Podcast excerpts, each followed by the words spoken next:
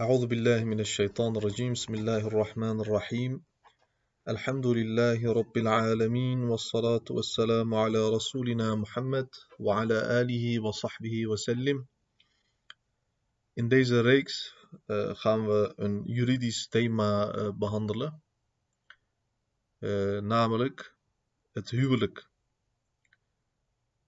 deze digitale lessen zijn heel handig, omdat we niet alle vakken, oftewel alle juridische onderwerpen van fiqh in de fysieke lessen kunnen behandelen. Dus dan kunnen we op deze manier die tekortkomingen compenseren. Het huwelijk is een heel heilig, een voortreffelijk instituut. De islam ziet dat als een instituut. Je sticht eigenlijk een instituut als je trouwt. Een gezin stichten is eigenlijk een instituut stichten. En de samenleving uh, bestaat eigenlijk niet uit individuen, maar het bestaat eigenlijk uit gezinnen. Zo bekijkt de islam dit. Als men dus goede, goede gezinnen sticht, dan krijg je eh, vanzelfsprekend een goede samenleving. Zo moeten we dat bekijken. Maar er zijn echter, uh, er zijn echter uh, afwijkende mensen in ideologie, in uh, geloofsovertuiging of in leefstijl. zij zien het huwelijk, een groep bijvoorbeeld, ziet het huwelijk als een gevangenisleven. Zij noemen het een ijzeren kooi. Zij zeggen, als ik trouw, dan wordt mijn vrijheid beperkt. Eh, dit gaat natuurlijk uh, in tegen de islamitische opvatting. en dan gaan ze bijvoorbeeld afscheidsfeesten gaan ze organiseren. van wat neem je afscheid? Van vrije gezelschap is natuurlijk een kromme gedachte, want een moslim, die is voor zijn huwelijk ook kuis, na zijn huwelijk ook kuis. Uh, voor zijn huwelijk is hij ook met zijn familie, na zijn huwelijk is hij ook met zijn familie. Dus voor een moslim verandert eigenlijk niet heel veel als hij trouwt. in negatieve zin eigenlijk niks. Alleen in positieve zin zijn er veranderingen. Uh, maar de westerse samenleving die heeft dus een andere, andere blik op dit onderwerp. En daarom zien ze het huwelijksleven ook als een gevangenisleven. Een andere groep in de samenleving, die zie je ook veel onder de moslims. zij zien het huwelijk als een instrument om de verlangens, de lusten, dus het seksuele genot na te komen. Uh, natuurlijk in al deze groepen heeft de westerse invloed uh, speelt natuurlijk een rol. Uh, want er zijn ook genoeg moslims die zijn, of moslimgemeenschappen, die zijn beïnvloed door deze westerse opvattingen. En het Westen is in haar oorsprong eigenlijk christelijk, of scherper gezegd, judeo-christelijk. Het is een judeo-christelijke samenleving eigenlijk. Dus bij hun is huwelijk eigenlijk ook een heilig instituut. Maar wat is er in de afgelopen eeuw gebeurd? Een verdorven man uh, die Sigmund Freud heet, een zogenaamde filosoof, psycholoog, een wetenschapper, die heeft dus de theorie over libido heeft die, gefabriceerd en uiteengezet. En dit heeft een negatieve invloed gehad op, op de westerse samenleving. Hij was een Joodse wetenschapper, Sigmund Freud.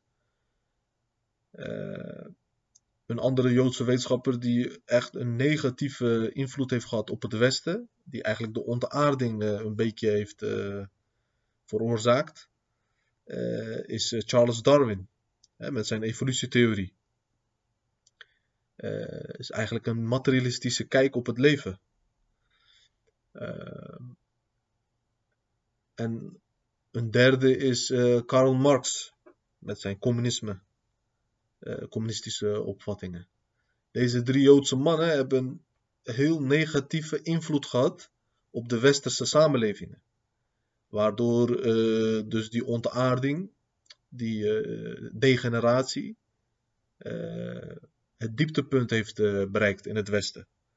En het eerste slachtoffer van deze ontaarding was het huwelijksleven, het huwelijksinstituut.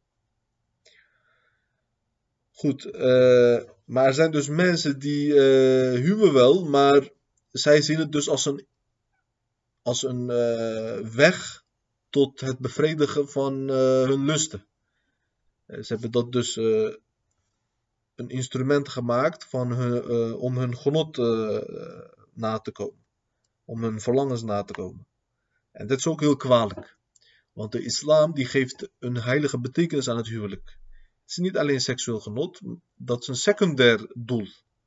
Maar primair doel is een vroom gezin stichten, een vroom nageslacht krijgen om een steentje bij te dragen aan een goede samenleving, aan een goede wereld.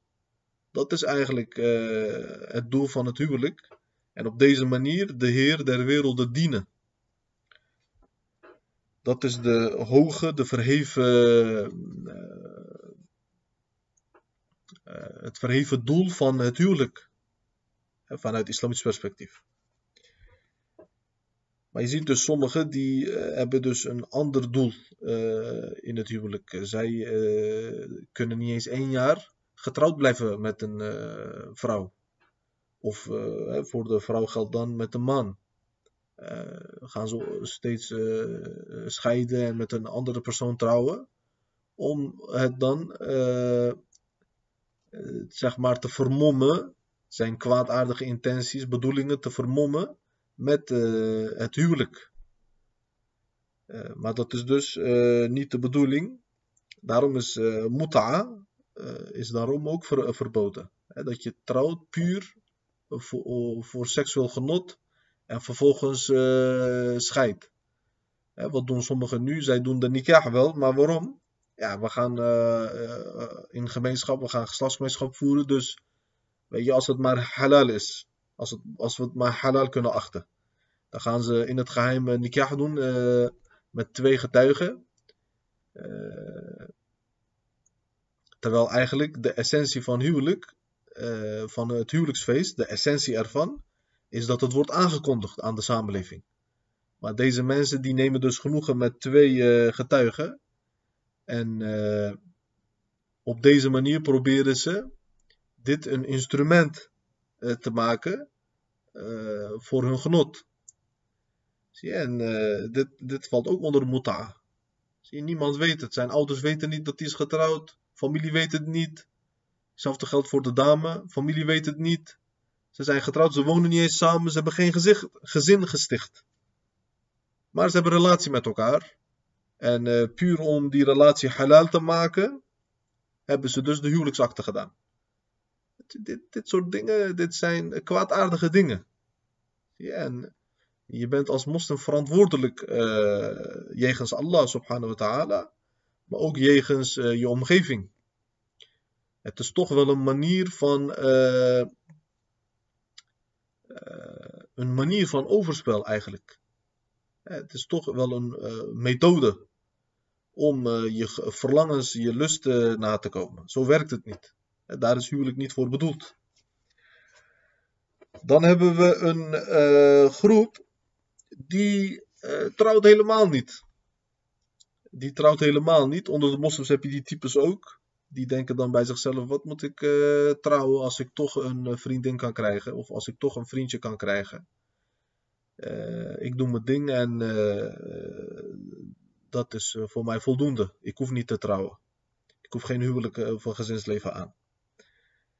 Eh, nou, de eh, ontaarding, de kwaadaardigheid van deze groep is ook uh, overduidelijk zichtbaar.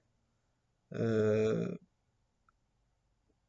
zoals de dichter ook heeft gezegd, een pre-islamitische dichter. Dat is eigenlijk pre-islamitisch, is jahiliya, dit soort houdingen, dit soort gedragingen, dit soort activiteiten is pre-islamitisch, van de Jahiliya. Kijk maar, wat zeggen de Arabieren van de pre-islamische periode? Een gedicht is Innama dunya ta'amun wa sharabun wa manam. Het leven is slechts wat? Bestaat slechts uit eten, drinken, slapen. فإذا ما فات هذا en wanneer iets ontbreekt van deze dingen, فعلى الدنيا السلام. Dan kan je afscheid nemen van het leven, van het wereldse leven. Dus hij bedoelt, uh, wat heb je aan het leven? Wat, wat, wat heb je te zoeken op deze wereld als je niet eet, drinkt en slaapt? Dus als je je lusten niet nakomt. Het is een hedonistische uh, kijk op het leven. En uh, dit staat volledig haaks op de islamitische opvattingen. maar ja, deze groep, die heeft dus eigenlijk zo'n houding. Van eten, drinken, slapen, lusten nakomen. En dat is eigenlijk voldoende voor mij. Zo, zo bekijken ze het. En dit strookt niet met de islamitische denkwijze, met de islamitische opvattingen.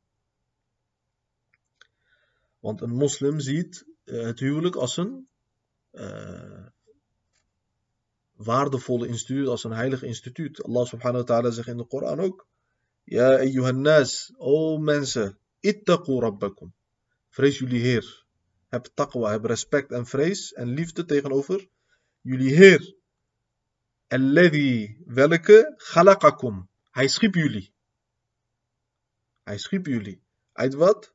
Min nafsin wahida. Uit één ziel. Uit één mens komen wij eigenlijk. Dat is onze oorsprong. Khalaqa minha zawjaha. En vanuit daar schiep Allah subhanahu wa ta'ala ook de echtgenote van Adam alayhi salam namelijk Hawa alayhi salam. وبث منهما en van die twee, van Adam en Hawa alayhi salam, schiep Allah subhanahu wa ta'ala kathiran wa nisa'a. Vele mannen en vrouwen schiep Allah subhanahu wa ta'ala van die twee mensen. Zie je dus, uh, het is heel belangrijk om uh, deze opvatting centraal te houden. Want het menselijke ras is afhankelijk van dit huwelijk. Zie hoe nobel eigenlijk het doel is van huwelijk. Hoe hoog dat is, hoe verheven dat is. Dat je het niet kunt vergelijken met secundaire dingen. Dat is eigenlijk het primaire doel. En een andere gunst, grote gunst van Allah subhanahu wa ta'ala, is dat hij de uh, echtgenote van hetzelfde soort heeft gemaakt.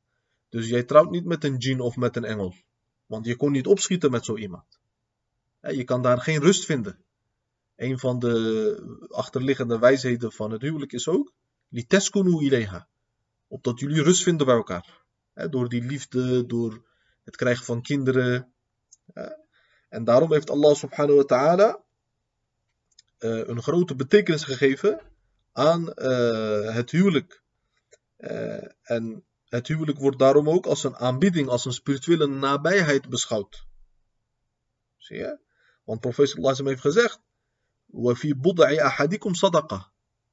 In geslachtsgemeenschap van een van jullie zit ook sadaqa. Je krijgt daar beloning voor. Als je met je eigen echtgenoot, met je eigen partner, op halal wijze geslachtsgemeenschap voert. Qalu ya Rasulallah. Hierop waren de metgezellen verbaasd. Ze zeiden, uh, o boodschapper van Allah. En ya'ti ahaduna. Een van ons komt zijn uh, shahwatahu, zijn lust na. Wa yakunu lahu fiha ajrun. En daarvoor krijgt hij ajr, beloning. Hoe kan dat? قال صلى الله عليه وسلم zei أرأيتم لو وضعها في حرام Stel je voor, hij uh, deed dat op een haram wijze. Hij ging ontucht doen of overspel doen. Uh, ontucht wordt meestal gebruikt voor uh, zina buiten, voor zina die vrijgezellen doen. En overspel wordt gebruikt voor zina die wordt gedaan door gehuwde mensen, getrouwde mensen. Dus dat is eigenlijk een nuanceverschil tussen overspel en ontucht. Wat nou als hij dat op een haram wijze, erkennen alayhi wizrun Kreeg hij dan zonde als hij ontucht of overspel zou doen? قالوا نعم, ze zeiden ja. قال صلى الله عليه وسلم فكذلك إذا وضعها في حلال op dezelfde manier als hij dat op een halal wijze doet, geslachtsgemeenschap, kan lahu ajrun, dan krijgt hij daar beloning voor. Zie dus, Zelfs geslachtsgemeenschap wordt als een aanbieding, wordt als een uh, manier uh, van spirituele nabijheid uh, gezien. Subhanallah. Zie je de betekenis die de islam geeft aan het huwelijk en aan het gezinsleven, aan het huwelijksleven. Is heel hoog, heel verheven. Uh, en dat is ook de reden dat Allah subhanahu wa ta'ala uh, tijdens de Ramadan, aanvankelijk was in de maand Ramadan, ook in de nachten was geslachtsgemeenschap niet toegestaan. Dus nu is het alleen tijdens het vasten is het niet toegestaan. Maar uh, aanvankelijk, in de tijd van de Sahaba, aanvankelijk, was het ook in de nacht na Isha was het verboden. Eten en drinken was ook verboden. Wat heeft Allah SWT gedaan? Ter verlichting heeft hij die regel afgeschaft. Dus aanvankelijk was de, was de regel zo. En later heeft hij dat afgeschaft. Waarom? Metgezellen hadden daar moeite mee. Het is inderdaad moeilijk. Je kan één maand lang kan je dan geen geslachtsgemeenschap uh, voeren. Die tijd is heel beperkt. Zie je? En uh, daarom heeft Allah subhanahu wa ta'ala in Surah Baqarah verzen geopenbaard. Lakum laylat as-siyam rafathu ila nisaikum. En ook in de nachten van het vasten van de maand Ramadan is geslachtsgemeenschap voor jullie uh, toegestaan gemaakt. Zie is halal gemaakt. En dan Allah subhanahu wa ta'ala legt ook uit uh, wat de reden daarvan is. Hunna libasul lakum en tum libasul lahun. Libas betekent letterlijk kledij. Sommige onwetenden zij vertalen dat, als ze dat vertalen, vertalen ze dat letterlijk. Terwijl de letterlijke vertaling van Koran kan niet. Je kan alleen de betekenis vertalen. En de betekenis betekent hier niet uh, kledij, niet de letterlijke betekenis. Dit is gewoon uitdrukking. Hiermee wordt bedoeld. Jullie bedekken je vrouw, je vrouw bedekt jullie. Dus met, door, aan de hand van geslachtsgemeenschap. Uh, is een uh, metafoor, is een uitdrukking, figuurlijke uitspraak voor geslachtsgemeenschap. En uh, je kan dat natuurlijk breder uittrekken. Je kan zeggen ook, uh, je bedekt elkaars minpunten en dat soort dingen. Je, je beschermt elkaars kuisheid. Alim Allahu annakum kuntum takhtanuna anfusakum. En Allah subhanahu weet dat jullie in de nacht, jullie hadden moeite ermee. Eh, want uh, is een instinct, het is een geaardheid van de mens om rust te vinden bij zijn of haar echtgenoot. Uh, en het is normaal dat de mens daar moeite mee heeft. Fataba alaykum wa afa ankum. Allah SWT zegt, ik heb jullie uh, brouw geaccepteerd, ik heb jullie vergeven daarvoor. Ja, jullie kunnen er niks aan doen, is menselijke dingen. Ik vergeef jullie. Fal'ana bashiruhun. Vanaf nu mogen jullie ook in de nachten van Ramadan, voordat Fajr ingaat hè, en na de iftar natuurlijk, in die periode mogen jullie geslachtsgemeenschap voeren. Wabtagu ma kataballahu lakum. En dan legt Allah de reden uit van uh, deze verlichting eigenlijk. Zoek naar, streef naar wat Allah voor jullie schreef. Hoe leggen de geleerden dit uit? Zij leggen dit uit. Wat schreef Allah voor ons? Een vroom nageslacht. Een goed, een kind. Een baby. Dus dat is eigenlijk het hoogste doel van geslachtsgemeenschap. Dat we een goed nageslacht uh, krijgen. Zie je? Dus op deze manier heeft Allah subhanahu wa ta'ala dingen voor ons verlicht en hij heeft ons ook uitgelegd waarom hij deze verlichting, Jalla Jalaluhu, Jalla Shanuhu, uh, aan ons heeft uh, gegeven. Zie en als een moslim deze hoge betekenissen goed begrijpt, dan krijgt hij een heel ander perspectief, een heel ander maatschappijbeeld. En dat is ook de reden van uh, het kromme maatschappijbeeld in het Westen, onder invloed van uh, kwaadaardige mensen zoals Sigmund Freud, uh, Karl Marx, Charles Darwin. Er zulke mensen die hebben een negatieve invloed gehad. en die hebben het proces van degeneratie hebben ze versneld in, in het Westen.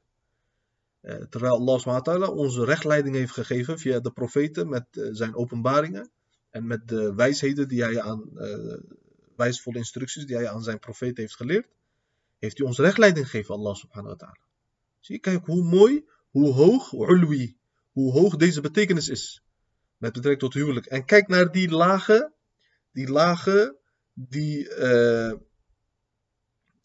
lege, die waardeloze uh, betekenissen die gegeven worden aan het huwelijk in het Westen. Zie je? En aan het huwelijksleven in het uh, leven in het Westen. Kijk naar het kaliber. Zie je? Er is een groot verschil tussen het kaliber. Uh, Daarom is het belangrijk om de fiqh goed te leren. Vanaf de volgende les, inshallah, gaan we het steeds meer uh, dieper in op de voorschriften met betrekking tot huwelijk. Dan ga je steeds beter begrijpen hoe het maatschappijbeeld van de islam tot stand komt. Zie je? En hoe je dan die ideale samenleving tot stand kan brengen. Dat de huwelijk daar een heel belangrijke rol in speelt. Zien jullie dus, uh, het is heel belangrijk om deze fiqh uh, te leren met betrekking tot nikah. En daarna ook talaq met betrekking, tot, met betrekking tot echtscheiding. Want mensen zijn heel erg onwetend, moslims zijn heel erg onwetend met betrekking tot deze zaken. Oké, ze zoeken, mensen die zoeken naar kennis, die kijken dan voornamelijk naar de rituelen.